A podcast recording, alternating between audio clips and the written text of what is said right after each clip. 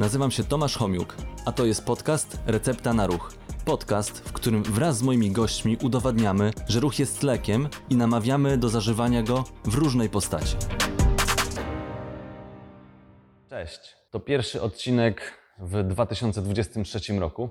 E, Nagrywam go przed samym Sylwestrem i chciałem od razu powiedzieć, że w 2023 roku podcast Recepta na Ruch będzie się ukazywał co drugą środę o godzinie 12. Do tej pory było to co tydzień. W tej chwili postanowiłem, że zrobię pewne przerwy, też e, związane jest to trochę z moją, z moją pracą. Także będą to co dwa tygodnie odcinki, ale nie zmieni się czas publikacji, czyli środa o godzinie 12.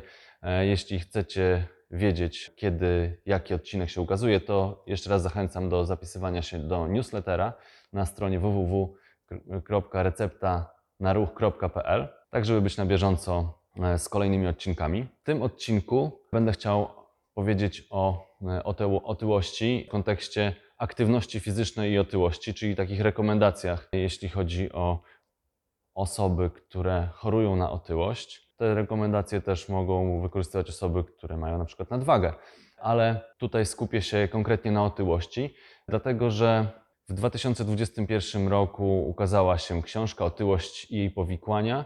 Tam miałem pewien swój wkład, czyli przygotowałem właśnie rozdział dotyczący zaleceń aktywności fizycznej dla osób e, z chorobą otyłościową. Te rekomendacje będę chciał w tym odcinku przedstawić, ale też w 2022 roku Polskie Towarzystwo Leczenia Otyłości zaprosiło mnie do takiego zespołu, który opracowywał właśnie zalecenia kliniczne dotyczące osób chorujących na otyłość i tam też załączyłem swój rozdział właśnie dotyczący aktywności fizycznej w leczeniu otyłości, znaczenia i rekomendacji takie, które są zebrane w różnych towarzystwach. I te rekomendacje przedstawię. Do tego odcinka podcastu załączę odpowiednie publikacje. Jeśli ktoś będzie chciał więcej dowiedzieć się na, na ten temat, to tam są właśnie takie duże wytyczne. Też e, załączę te rekomendacje e, Polskiego Towarzystwa Leczenia Otyłości. Będzie można sobie pobrać. To wszystko jest w wersji takiej pełnej. Te rekomendacje są w, e, w PDF-ie. Też te duże badania z wytycznymi również są w całości za darmo dostępne. To wszystko podlinkuję. Tak, gdyby ktoś chciał po prostu trochę więcej poczytać na ten temat, no to odsyłam do tych publikacji. Temat otyłości. Mamy temat otyłości, temat coraz bardziej znaczący, dlatego że dotyczy coraz większej liczby osób. Od 1975 roku odnotowano trzykrotne zwiększenie występowania otyłości na świecie. E, W 2016 roku 2 miliardy dorosłych osób miało nadwagę, a 650 milionów chorowało na otyłość. Także ten przyrost osób chorujących na otyłość i osób mających zdiagnozowaną nadwagę no jest bardzo znaczący i to szczególnie w ostatnich latach, dlatego że zmienił nam się mocno styl życia. Staliśmy się bardzo wygodni. Dostęp do, do pożywienia jest e, w tej chwili w krajach rozwiniętych, no nie ma problemu z dostępem do, do pożywienia. Inne znaczenie ma jakość tego żywienia. Ale na temat żywienia nie, nie, tutaj nie chcę się szczególnie wypowiadać, bo to nie jest moja działka. Natomiast no, widzimy, że raczej nie mamy problemów ze zdobywaniem jedzenia. Kiedyś ludzie umierali z głodu, teraz e, dużo częściej ludzie umierają z nadmiaru jedzenia, z właśnie z tego powodu, że mają nadwagę, otyłość, a to zwiększa ryzyko występowania wielu chorób. Szacuje się, że obecnie 39% o- m, osób dorosłych spełnia kryteria rozpoznania nadwagi, a 13% osób choruje na otyłość. W Europie e, zrobiono badanie na, w 20 krajach. Okazuje się, że 53% osób ma nadwagę lub otyłość. Także widzimy, że to właśnie głównie e, w tych krajach rozwiniętych ten problem e, narastał i narasta. A to właśnie wynika głównie ze zmiany, e, z zmiany stylu naszego życia. Czyli to, że jesteśmy mało aktywni, to, że mamy właśnie łatwy ten dostęp do pożywienia. Jakby, no i to, to, to wszystko się przyczynia do tego, że tych kilogramów nam przybywa. Ja nawet na takich prostych mm, z życia codziennego, e, takich elementach, które, które jak pracujemy, jak e, wypoczywamy, to widzimy, co się zmieniło. Tak? Mamy, większość osób korzysta e, z samochodu, wind, Także to wszystko zwiększa jakby ten czas e, spędzania, mało aktywnie spędzanego czasu. Także tutaj ten tryb życia, siedzący tryb życia jest takim e, ważnym elementem w kontekście i leczenia otyłości, ale także w profilaktyce nadwagi czy otyłości. Nawet tutaj dam taki przykład w odcinku, w którym mówiłem o NIT, czyli o tej aktywności niezwiązanej z zaplanowanym e, jakimś wysiłkiem, to chociażby jak się zmieniły nasze nawyki dotyczące przygotowywania jedzenia, w ogóle jedzenia i też wydatkowania energii przy okazji. No bo pamiętajmy o tym, że jeśli chcę coś zjeść, to mogę to zrobić na różne sposoby. Mogę sam sobie przygotować posiłek, ale żeby przygotować posiłek, to muszę pójść po zakupy, e, czyli wykonać jakąś aktywność fizyczną. Muszę pochodzić po sklepie, powybierać, wrzucić do koszyka, przywieźć to do domu albo przynieść do domu, później przyrządzić taki posiłek, a następnie go zjeść, tak? A trochę się zmieniło. Oczywiście wiele osób tak przygotowuje swoje jedzenie, ale coraz więcej osób no, nie ma czasu na właśnie przygotowywanie albo nie chce po prostu, nie lubi. I wtedy po prostu kupuje to jedzenie. Może pójść do restauracji, do e, baru i tam kupić sobie jedzenie i zjeść. Czyli znowu trochę mniej energii wydatkuje na robienie zakupów, przygotowywanie posiłku, a jeszcze takim mniejszym wydatkowaniem energii jest sposób zamawiania jedzenia do domu albo do biura, czyli przyjeżdża ktoś i przywozi nam to jedzenie. Wtedy nawet nie musimy się pofadygować do, do jakiegoś miejsca, żeby tam zjeść, tylko to wszystko jest dostarczane do nas. Są bardzo modne diety, tak zwane pudełkowe. Ludzie wyliczają sobie gdzieś zapotrzebowanie kaloryczne, biorą diety, powiedzmy tam 2000 kalorii, ale nie myślą o tym, czy, czy przerzucają się z takiego jedzenia tradycyjnego, że kupują produkty, przygotowują jedzenie i jedzą. I wiedzą mniej więcej, ile tego e, dziennie zjadają. Natomiast e, kupując gotowy taki, taką dietę pudełkową, no to trzeba też się zastanowić, ile mniej energii wydatkujemy, przez to, że nie musimy przygotowywać sobie jedzenia, nie musimy robić zakupów. Także tutaj to jeszcze taki, takie wtrącenie do, do, tego, do tej właśnie zmiany stylu życia. Co, co, co u nas się zmieniło? Że jednak tych kilogramów przybywa coraz większej liczbie osób. I to szczególnie dotyczy właśnie krajów rozwiniętych, bogatszych krajów.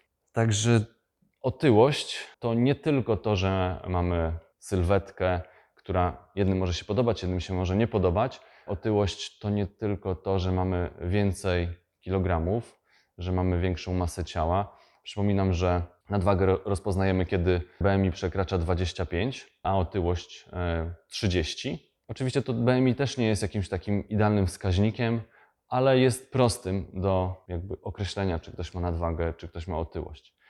E, Już nie chcę się zagłębiać w skład masy ciała, że oczywiście może mieć ktoś e, bardzo wysokie BMI, a głównie jego e, masa ciała składa się z tkanki mięśniowej, jest tam mało tkanki tłuszczowej i tutaj to nie jest takim problemem, ale te, te BMI jest takim wyz- wyznacznikiem dla większości osób, gdzie możemy właśnie rozpoznać nad- nadwagę albo otyłość. No oczywiście, tak jak wspomniałem, to nie tylko te, można powiedzieć, zbędne kilogramy są problemem, tylko otyłość wiąże się przede wszystkim z zwiększonym ryzykiem występowania wielu chorób. I tutaj trochę sięgnę do tych notatek, które sobie przygotowałem i wypunktuję, jakie choroby są związane z otyłością i jak często one się pojawiają u osób, które mają właśnie otyłość.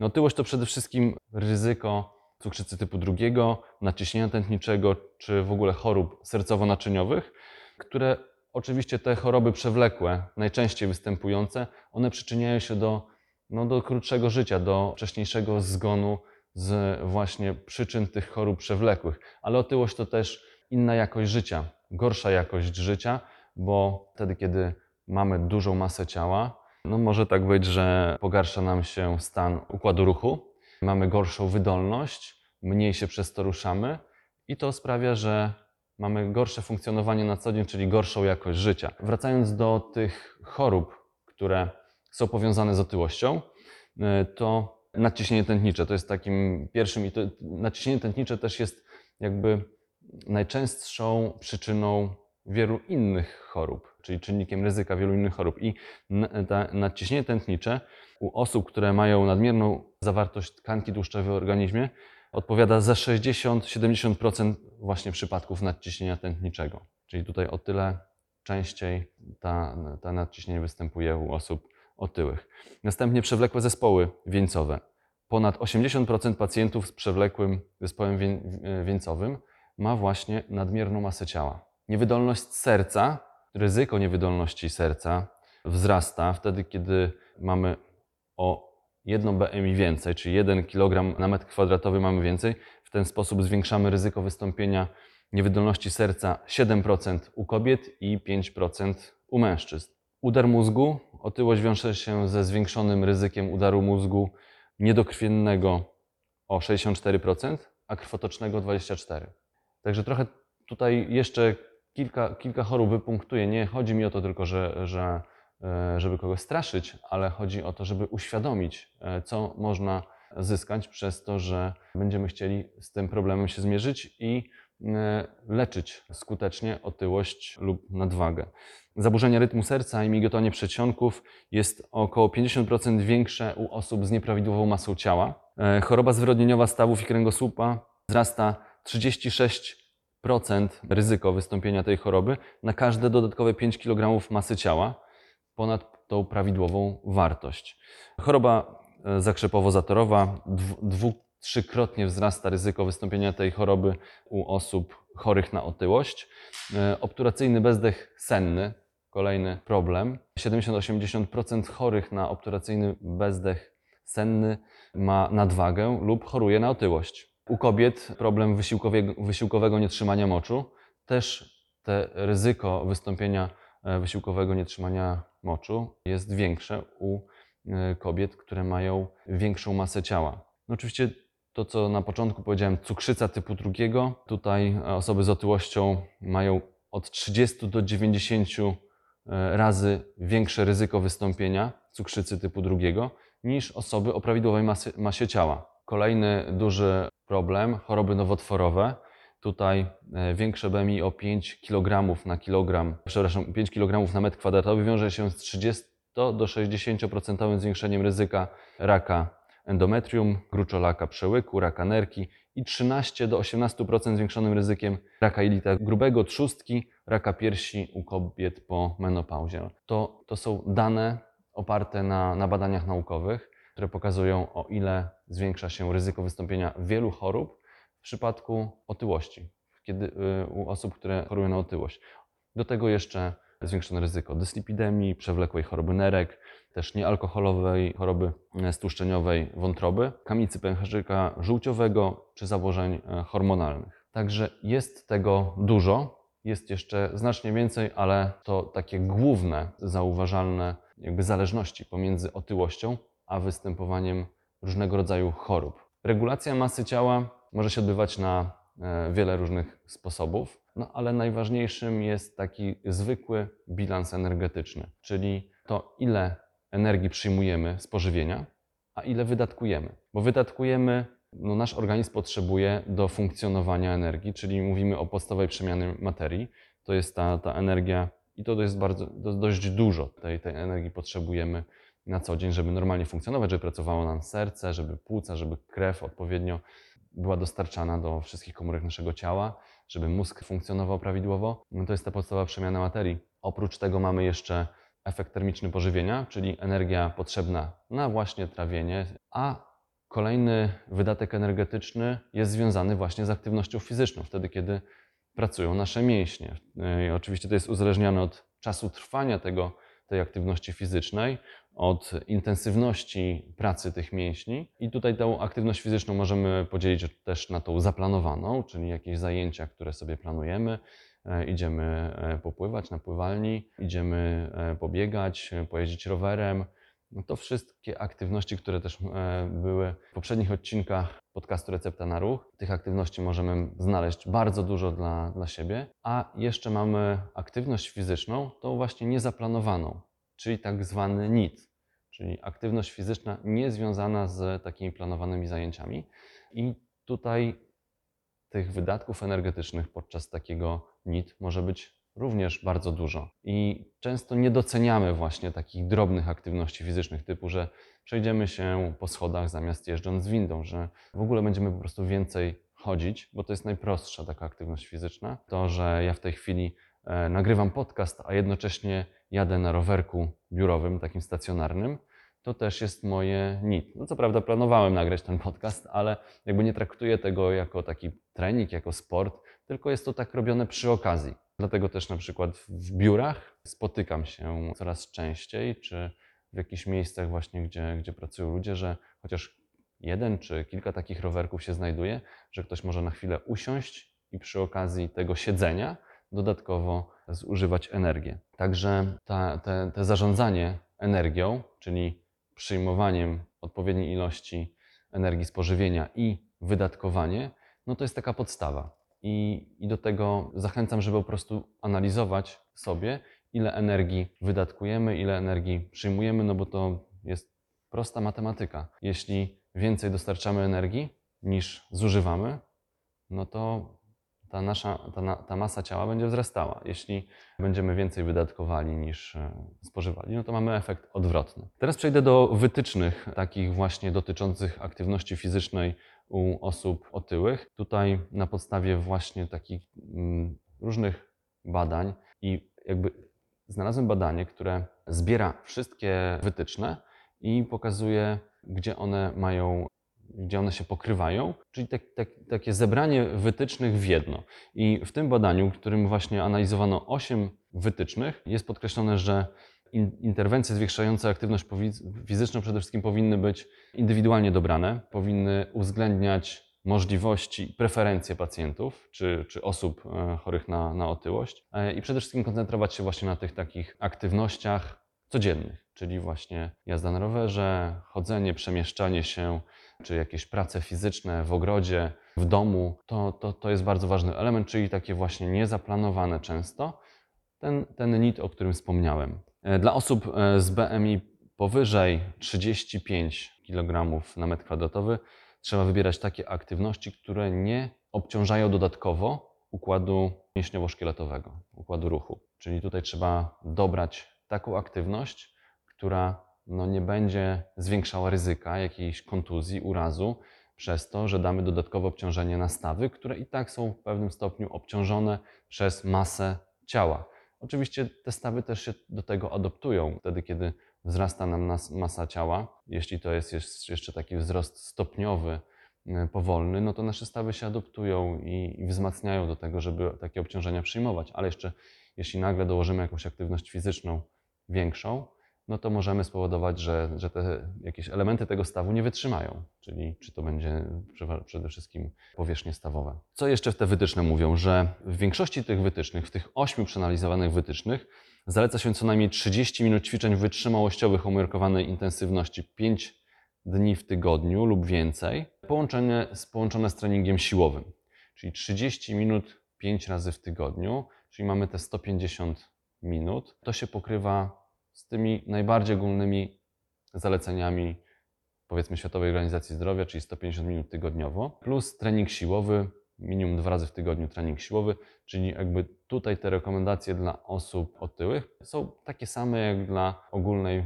populacji osób dorosłych. Jedna z wytycznych wykazała, że same ćwiczenia oporowe nie powodują skutecznego zmniejszenia masy ciała. Czyli same treningi oporowe mogą nie wystarczyć do tego, żeby skutecznie zredukować masę ciała. Rekomendacje mówiły, że ogólnie zaleca się ograniczenie siedzącego trybu życia, czyli oglądania telewizji, korzystania z komputera, czyli takiego biernego spędzania czasu wolnego. Lepiej poszukać jakiejś e, aktywności, która nie będzie wymagała, że posadzimy swoje mięśnie pośladkowe e, w jednym miejscu i one będą tam nieruchomo. Tak to obszedłem troszeczkę to, to, to nazewnictwo. Co jeszcze z takich bardziej szczegółowych rekomendacji możemy, to też e, załączę takie, takie wytyczne i badanie, które o tym mówi. Rekomendacje dotyczące aktywności fizycznej e, w otyłości mówią o tym, że zaleca się aktywność aerobową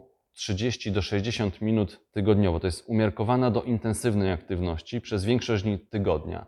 Dla osób, które chcą zmniejszyć masę ciała i procentową zawartość tkanki tłuszczowej, dla osób, które chcą zmniejszyć procentową zawartość tkanki trzewnej tłuszczowej i tłuszczu ektopowego, czyli tego, który się znajduje na przykład przy wątrobie czy, czy sercu. Nawet jeśli nie będzie braku redukcji wagi, to jakby ta aktywność fizyczna pomoże, żeby zmniejszyć procentową tej, e, zawartość tej tkanki trzewnej. Bo pamiętajmy o tym, że też trening, nie, trening czy aktywność fizyczna, jeśli jest odpowiednio dobrana, nie zawsze polega tylko na tym, żeby stracić masę ciała. Zależy nam też na tym, żeby dobudować troszeczkę tkanki mięśniowej, a zredukować tkankę tłuszczową, czyli tutaj na wadze można nie zauważyć dużych różnic, ale e, zmienią, zmienią się proporcje tkanki tłuszczowej do tkanki mięśniowej. Sylwetka też się, też się wtedy zmienia, więc sama, sama waga nie jest takim idealnym wyznacznikiem do tego, czy osiągamy cel. Także tak tylko nadmienię. Co jeszcze? Te 30-60 minut umiarkowanego do intensywnego, aby utrzymać właśnie, właściwą masę ciała po utracie tej, tej, tej wagi. E, utrzymać beztłuszczową masę ciała w trakcie procesu redukcji wagi. Także to są rekomendacje, które mówią, że jednak trochę więcej niż te 30 minut. Od 30 do 60 minut umiarkowanej do intensywnej aktywności fizycznej, wytrzymałościowej, tej aerobowej. Ta aktywność też pozwala zwiększyć oczywiście wydolność krążeniowo-oddechową. No to też wpływa na nasze funkcjonowanie. Poprawia też e, mobilność. Tak, tak te rekomendacje mówią. Dla osób dorosłych z nadwagą lub otyłością za, zaleca się trening oporowy w celu utrzymania masy ciała, zwiększenia masy mięśniowej lub zmniejszenia właśnie tej beztłuszczowej masy ciała i poprawy mobilności. Czyli znowu tutaj ten trening oporowy jest podkreślony w rekomendacjach. Zwiększenie intensywności ćwiczeń poprzez zastosowanie treningu interwałowego o właśnie wysokiej intensywności, czyli tak zwanego treningu HIT, też może prowadzić do wzrostu wydolności krążeniowo-oddechowej i skrócić ten czas potrzebny do osiągnięcia podobnych rezultatów jak w treningu e, wytrzymałościowym, takim ciągłym, umiarkowanym bądź intensywnym. Także ta, ta rekomendacja mówi o tym, że osoby, które mogą sobie pozwolić na trening interwałowy, no bo nie każdy będzie potrafił, czy będzie w stanie ze względu na, swój, e, na swoją kondycję fizyczną, e, nie będzie mógł się podjąć treningu interwałowego, ale to jest tak, że trening interwałowy daje podobne korzyści jak e, trening taki aerobowy o umiarkowanej czy nawet dużej intensywności, tylko że ten trening interwałowy jest po prostu krótszy. Czyli możemy poświęcić mniej czasu na trening, a uzyskać podobne rezultaty.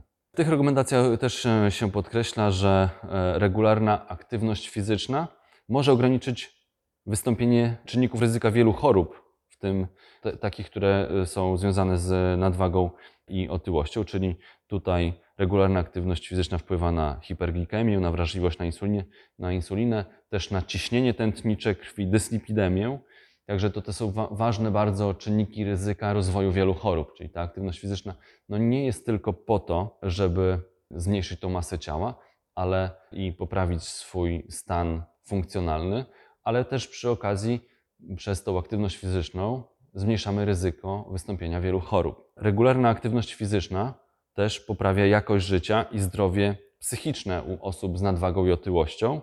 Tutaj podkreśla się, e, że dużo daje u osób, które, u których występują e, zaburzenia nastroju, e, depresja, lęk oraz zaburzenia obrazu własnego ciała. Także tych, tych rekomendacji mamy dużo. Ja przedstawiłem z dwóch takich dużych analiz te najważniejsze. Oczywiście trzeba też pamiętać o pewnych zasadach, jeśli chcemy podjąć jakąś aktywność fizyczną albo zwiększyć tą aktywność fizyczną. E, no, szczególnie osób, które nie podejmowały takiej regularnej aktywności fizycznej albo mają słabą wydolność, to przede wszystkim należy zacząć od tego, żeby ocenić, określić aktualny stan fizyczny tej osoby i pod kątem właśnie sprawności takiej e, wydolności krążeniowo-oddechowej, można powiedzieć sprawności takiej wytrzymałościowej, jak i też e, ocenić, e, jaki, w jaki sposób trening siłowy ma wyglądać, czyli też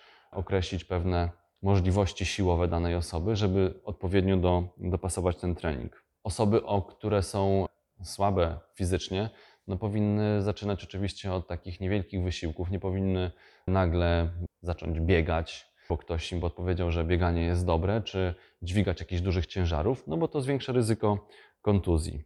Także zaczynamy o, z, z, najczęściej od takiej lekkiej intensywności, e, przechodzimy do umiarkowanej, a później możemy, no nie wiem, podjąć się próby zrobienia nawet treningu HIT, żeby właśnie mieć podobne korzyści, ale osiągać je w krótszym czasie. Także też warto stopniowo zwiększać albo czas trwania pojedynczej sesji treningowej, e, albo stopniowo zmieniać częstotliwość tych, tych treningów. Czyli na początek lepiej oczywiście, kiedy planujemy tak, że treningi są krótsze, a częściej, żeby ktoś miał czas na regenerację, na odpoczynek, a później możemy albo zwiększać czas jednostki treningowej, czas ćwiczeń, albo mm, pracować nad częstotliwością, czyli ile razy w tygodniu e, taka aktywność.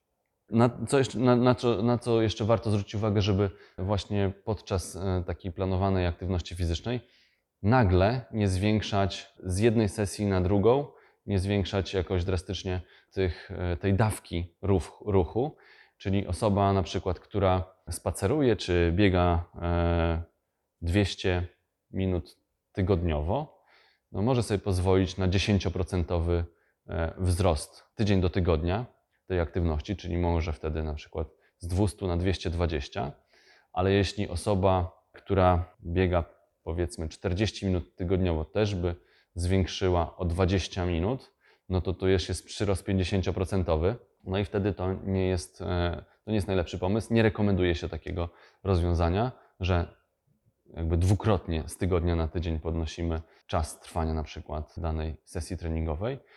Lepiej to robić stopniowo, powoli. 10% tygodniowo jest taka bezpieczna dawka, o którą możemy podnieść jakby ten, te, tą intensywność czy czas trwania e, jednostki treningowej.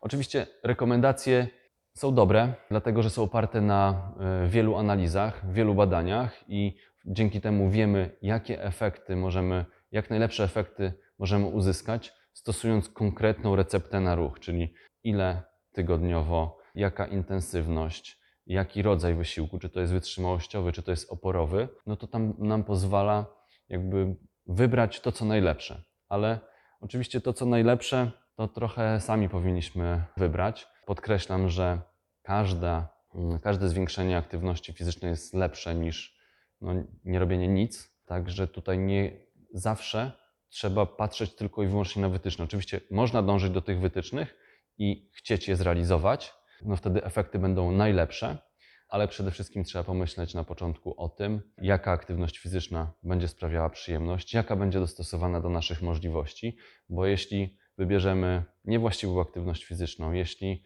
przedobrzymy i nagle będziemy chcieli za dużo osiągnąć, czyli przedawkujemy tą, tą aktywność fizyczną, przedawkować można lek, można przedawkować aktywność fizyczną, przedawkować ruch, no to po pierwsze będzie nas bolało, po drugie no będzie, mo, możemy się zniechęcić bardzo szybko do podejmowania następnej aktywności fizycznej i to utrudni nam wyrobienie tego nawyku, albo po prostu zrezygnujemy całkowicie z aktywności fizycznej, a to, to, to jest najgorszy wybór. E, dlatego też warto zadać sobie przed rozpoczęciem aktywności fizycznej kilka pytań. Czy samemu sobie zadać, jeśli ma się taki problem, a jeśli jesteśmy mm, osobami, które pracują z chorymi na otyłość, to warto też zadać takie pytania do wywiadu, czy e, w trakcie rozmowy, e, jeśli jest się nie wiem, fizjoterapeutą czy trenerem personalnym, to warto dodatkowo zadać kilka pytań, które pozwolą odpowiednio zaplanować tą aktywność fizyczną i sprawić, żeby ktoś się nie, nie zniechęcał. I tutaj te, takich kilka pytań sobie mm, wypisałem, które też sam zadaję często, jeśli pracuję z osobami które chcą zredukować e, swoją masę ciała, to przede wszystkim jakie mają doświadczenie z aktywnością fizyczną, czyli co kiedyś robili. Czy lubili właśnie spacery, jazdę rowerem, pływanie, e, czyli takie aktywności wypytuję, które dobrze im się kojarzą, które sprawiały im przyjemność. Co sprawiło, że e, jakby próby wdrożenia aktywności fizycznej się nie powiodły. Co przeszkadzało? co nie pozwoliło na to, żeby wyrobić sobie taki nawyk i żeby on pozostał. Co, co tej osobie daje, jaką satysfakcję może czerpać z aktywności fizycznej, to też sobie trzeba jakby skojarzyć, co dać może ta aktywność fizyczna. To nie chodzi o to, żeby, no bo ktoś nie myśli, często osoba mm, 30-letnia, powiedzmy 40-letnia, nie myśli, co będzie za 40 lat, że to, że ma zwiększoną masę ciała, no, wiąże się z z wystąpieniem jakiejś tam choroby, o ile w tej chwili tej choroby nie ma. Więc raczej trzeba myśleć mm, na początek o takich celach krótkoterminowych, czyli właśnie co może dać, jaką satysfakcję, jaką przyjemność ta aktywność fizyczna. Czy jakaś e, aktywność fizyczna przewiduje, że będzie dla niej lepsza bądź gorsza na ten moment? No bo jak ktoś, e, nie wiem, e, uprawiał gimnastykę w wieku młodzieńczym i to mu sprawiało przyjemność, to może oczywiście spróbować e, wrócić do tego i jakieś elementy wykorzystać, ale być może na tym etapie życia no, niekoniecznie ta gimnastyka, gimnastykę widzi w swojej wyobraźni i, i zacznie ją realizować tak na co dzień, tylko trzeba zastanowić się nad tym, jaka aktywność na ten moment może być właściwa. Co, co dla tej osoby jest też największym wyzwaniem, trudnością, czy to jest czas, którego nie ma, to jest też częsta wymówka, czy to jest, dużo może być takich powodów, dla których ta, ten, ten nawyk prowadzenia aktywności fizycznej no, się nie udał, nie udało się go zrealizować. Czy może też warto zapytać, czy może na kogoś liczyć w tym, żeby mu pomógł taki nawyk wyrobić? Może znaleźć sobie e, kolegę, koleżankę, z kim będzie wychodzić na spacery, albo z kim będzie chodzić e, na siłownię, do klubu fitness, na pływalnię. To też często pomaga, takie wzajemne motywowanie się, bo samemu jest bardzo ciężko. Tutaj też nawet rekomendacje mówią o tym, że warto gdzieś znaleźć sobie osobę, albo nawet kilka osób, mogą być to zajęcia grupowe, gdzie jedni drugich motywują, wyciągają na trening, no bo ktoś może mieć gorszy dzień, więc e, to takie wzajemne pomaganie sobie często daje dobre rezultaty.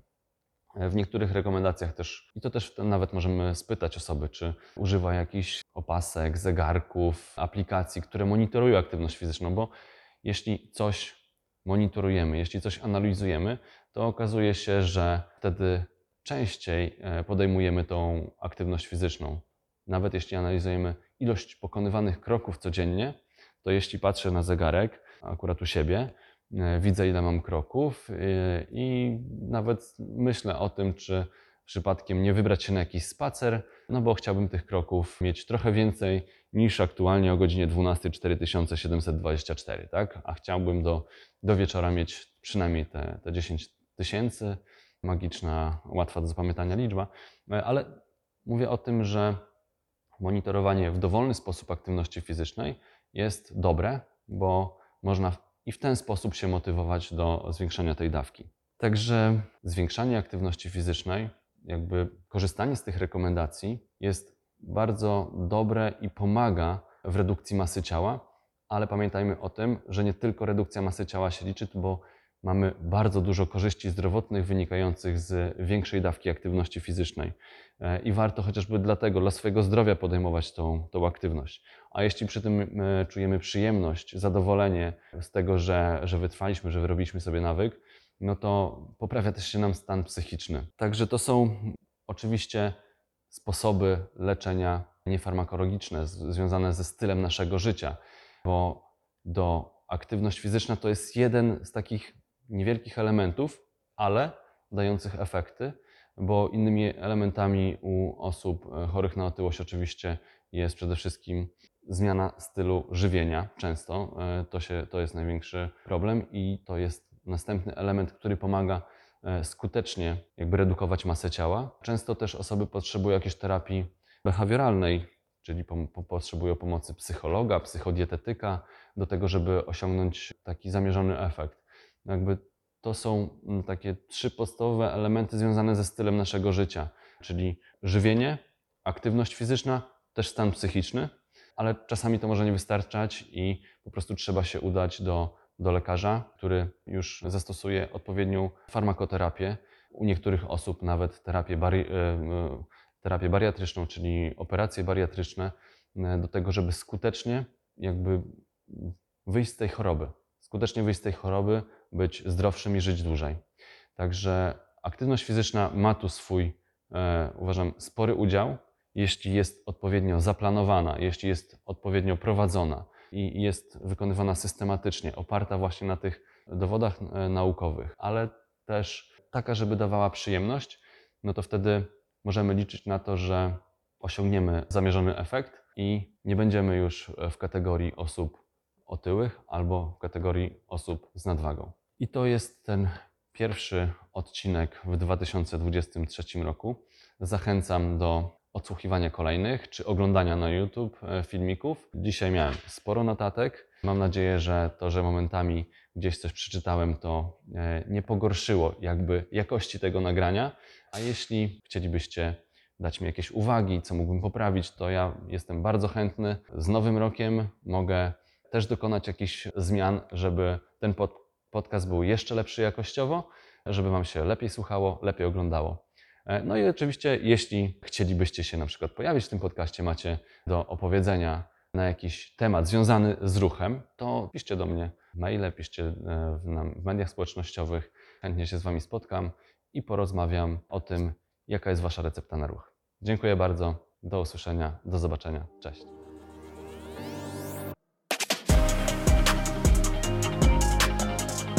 Dzięki, że byliście.